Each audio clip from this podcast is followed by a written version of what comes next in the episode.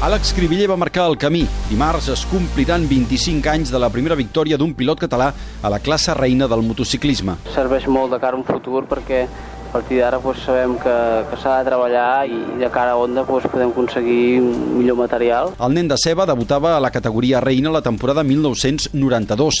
Aleshores el Mundial era cosa de nord-americans i australians. Reini, Duhan, Kosinski, Schwantz, Lawson, Mamola... Cribiller fa el primer podi a la tercera cursa, al circuit malaisi de Shah Alam. Pilota una onda privada de l'equip de Cito Pons.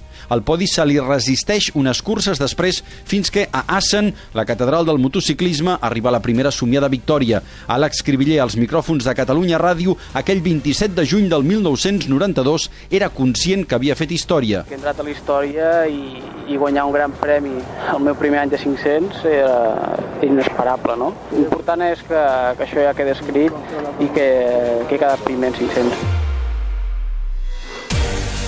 Cribiller va parlar amb els seus pares a través dels micròfons de la Ràdio Nacional de Catalunya. Hola, què tal? Una molt forta, eh? Ah, gràcies, gràcies. Ens estàvem molt emocionats, ha sigut fabulós. Sí, sí, Encara està que molt ja bé, has vist la gràcies. llista, però ja la veurem en vídeo. Molt bé, ja ho veurem després. Una abraçada i forta, Molt bé, eh? una abraçada. Adéu, adéu. No pensava que fos tan bo, eh?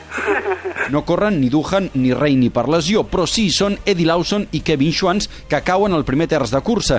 Cribiller se situa tercer darrere Àlex Barros, que lidera, i Joan Garriga. Després arribaria John Kosinski. Són quatre pel podi, però la darrera volta el de Ceba la controla perfectament.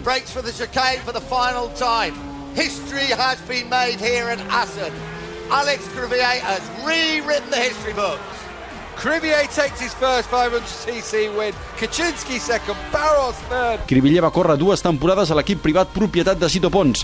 Al 94, Honda el fitxa com a pilot de fàbrica per ser company del pentacampió Mick Duhan.